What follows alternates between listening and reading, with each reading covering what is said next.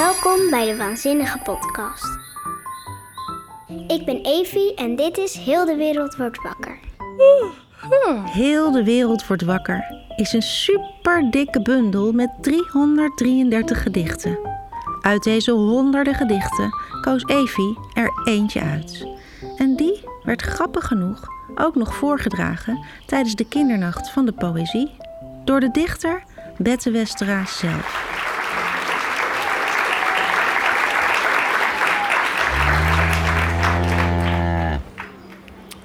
Nou, nou de koeien. Jullie mogen af en toe wel tussendoor loeien, maar het hoeft niet. Hallo. Ik ben een koe. Mijn naam is 1402. Ik denk dat wij het nog leuker kunnen. Koe. Hallo, ik ben een koe.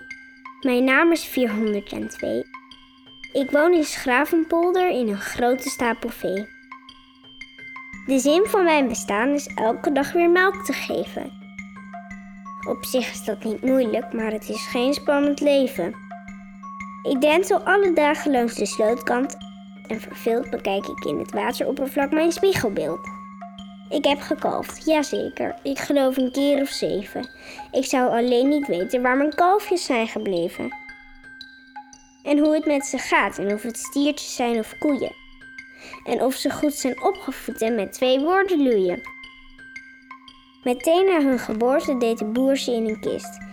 Je went eraan, dat wel, ik heb ze nauwelijks gemist. Hun vader was geen stier, het was een man met een Toyota. Een jonge man. En toen hij klaar was, kreeg de boer de nota.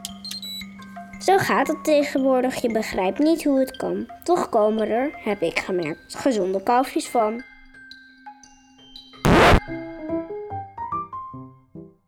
Ehm, ik word er heel vrolijk van, maar aan de andere kant krijg je iets meer medelijden met de koe. En waarom heb je dit gedicht dan eigenlijk uitgekozen? Nou, ehm, ik vond hem heel leuk al vanaf de eerste zin. Hallo, ik ben een koe. Mijn naam is 402. Er zitten kleine grapjes in. Ja, ik denk, ik vind eentje ook wel heel grappig. Hun vader was geen stier, het was een man met een Toyota. Een jonge man. En toen hij klaar was, kreeg de boer de nota. Maar wat bedoelen ze daar dan mee? Ik weet het niet zo goed. Maar het is wel grappig. Ja, Maar wat is nou eigenlijk de moraal van dit eh, gedicht? Nou, over dat koeien nu een veel minder leuk leven, veel meer met z'n allen. Het zijn heel veel opgefokte koeien en die, gaan, die zijn er om melk te geven. Dus niet om lekker veel plezier te maken, maar om melk te geven. Dus wij pikken eigenlijk hun melk. Ja, ik vind het wel zielig, maar aan de andere kant, ik eet het ook. Ja, en je drinkt het ook. Ja. Want waar zit het eigenlijk allemaal in, die melk van die koeien? Weet je dat? Eh, boter, kaas, mm, Te veel om op te noemen. En ehm, denk jij dat eh, de schrijver met dit gedicht een doel had? Ehm, denk het eigenlijk niet. Of toch eigenlijk wel? Aan dat de koe nu niet koe is, maar een uier.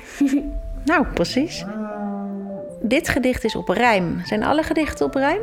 Nee, ik schrijf ook vaak iets niet op rijm, maar ik vind het wel het allerleukste te lezen en het leukst schrijven met rijm. Jij zegt, ik schrijf. En de kinderen die nu luisteren weten nog helemaal niet dat jij ook gedichten schrijft. Eh, ja, eh, soms als iemand jarig is of zo, of als ik een zin heb of een idee heb, dan zet ik gewoon mijn pen op het papier en dan kijk ik wat eruit komt. En dan maak ik daar soms leuke gedichten van. En wanneer is iets een mooi gedicht? Als je er een gevoel bij krijgt, denk ik. Maar het hoeft ook niet per se een goed gevoel te zijn. Het kan ook een slecht gevoel zijn.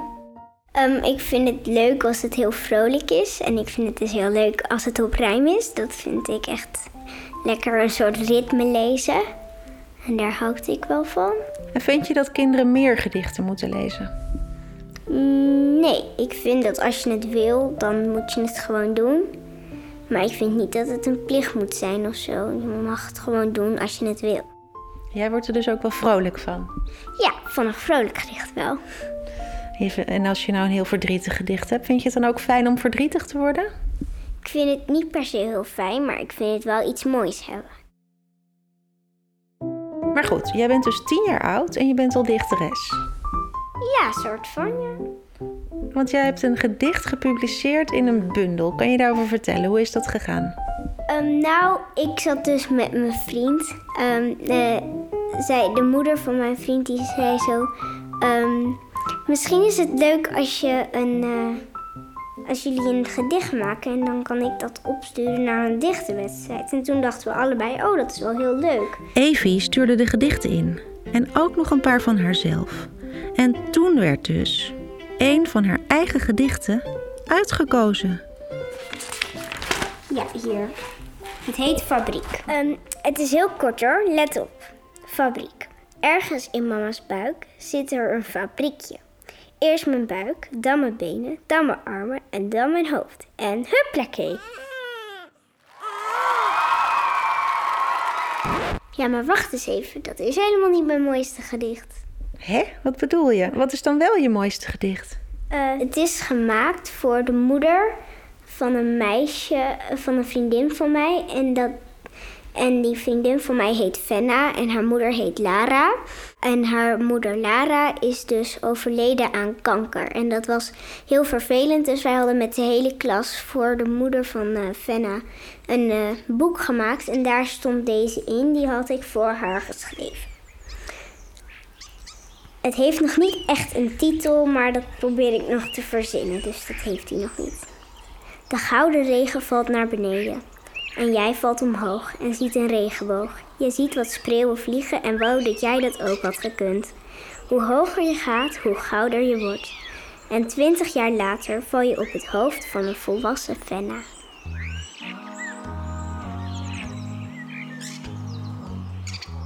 Dit was Evie met Heel de wereld wordt wakker. In de bundel lees je nog 332 andere gedichten. Dus ga gauw naar de boekwinkel of naar de bibliotheek, zodat je het hele boek kunt bekijken. Zou jij mee willen doen aan zo'n dichtwedstrijd, net als Evie? Elk jaar in februari is er de wedstrijd Kinderen en Poëzie. Dus, als je nu gaat schrijven, dan heb je in februari een hele bundel om in te zenden. Je kunt ook met de hele klas meedoen. Kijk maar op de website poëziepaleis.nl. De volgende keer spreek ik Emiel over het derde dikke boek van Vos en Haas. Het is een heel leuk verhaal. Ik vind het gewoon ook heel grappig. Dit was een van mijn allereerste en mijn eh, moeilijkste boek wat ik ooit las. Ik vond het gewoon een zo leuk verhaal. Ik heb het echt, toen ik wat kleiner was, heb ik het duizenden keren gelezen. Tot over twee weken. Dit is een productie van Studio Popcorn.